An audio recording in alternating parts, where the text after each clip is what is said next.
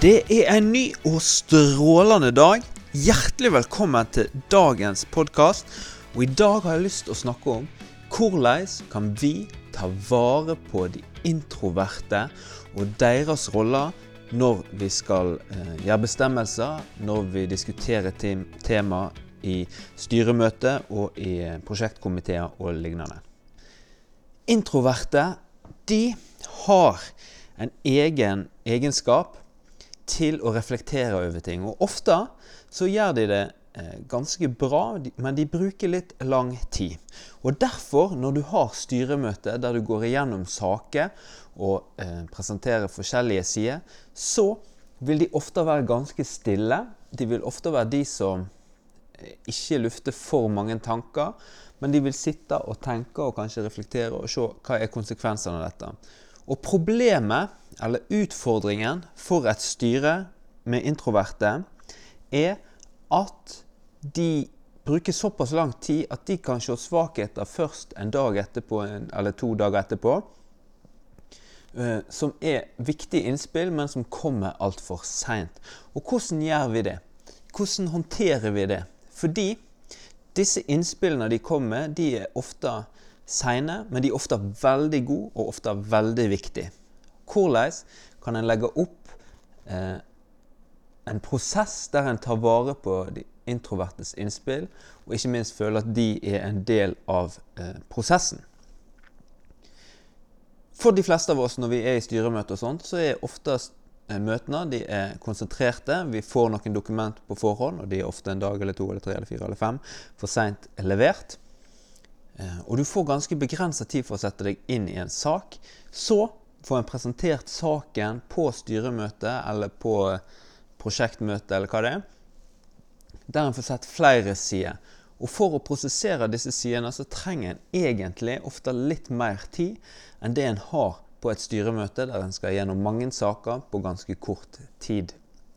Spørsmålet da er hvordan kan vi håndtere dette? Hvordan kan vi løse dette? Hvordan kan vi gjøre det mer ideelt og effektivt for å få fram alle perspektivene? Jeg kjenner til i hvert fall ei eh, bedrift der de har prøvd å løse eh, dette problemet. Og måten de gjør det på, er For det første så holder de fristene. Når en sak skal være ei uke før, eh, så skal den være ei uke før, og ingenting blir tatt opp som blir levert etterpå det. Men det en òg gjør, er at en gjerne legger møtene til en mandag, og allerede fredag eller torsdag så har en et Skype-møte der en diskuterer sakene.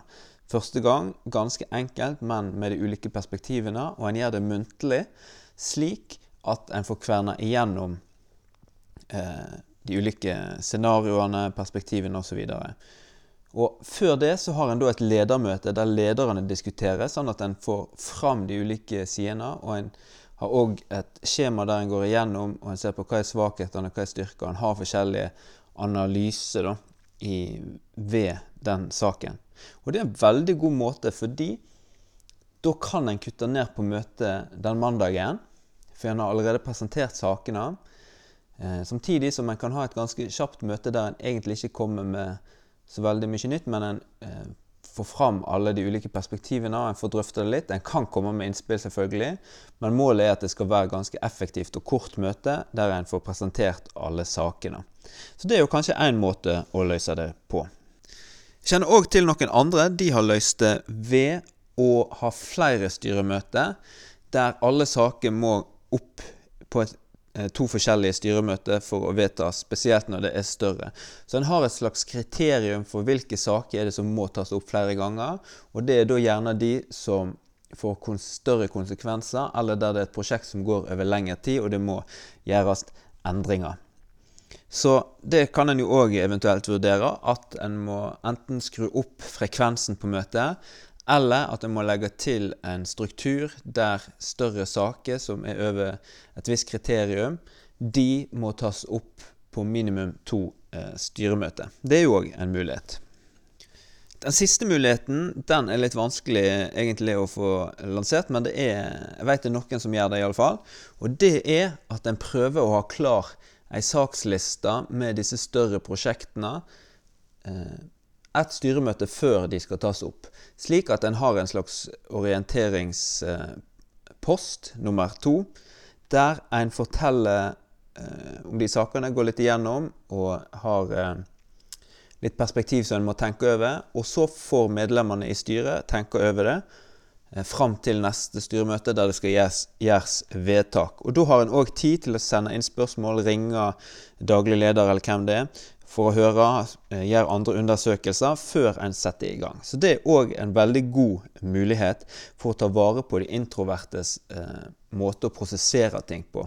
Og resultatet tror jeg vil bli bedre, ikke bare fordi eh, at eh, de introverte føler seg ivaretatt, men òg fordi at en får med veldig viktige perspektiv, og en får lengre tid til å tenke seg om, og saken får satt seg bedre i hele gruppa.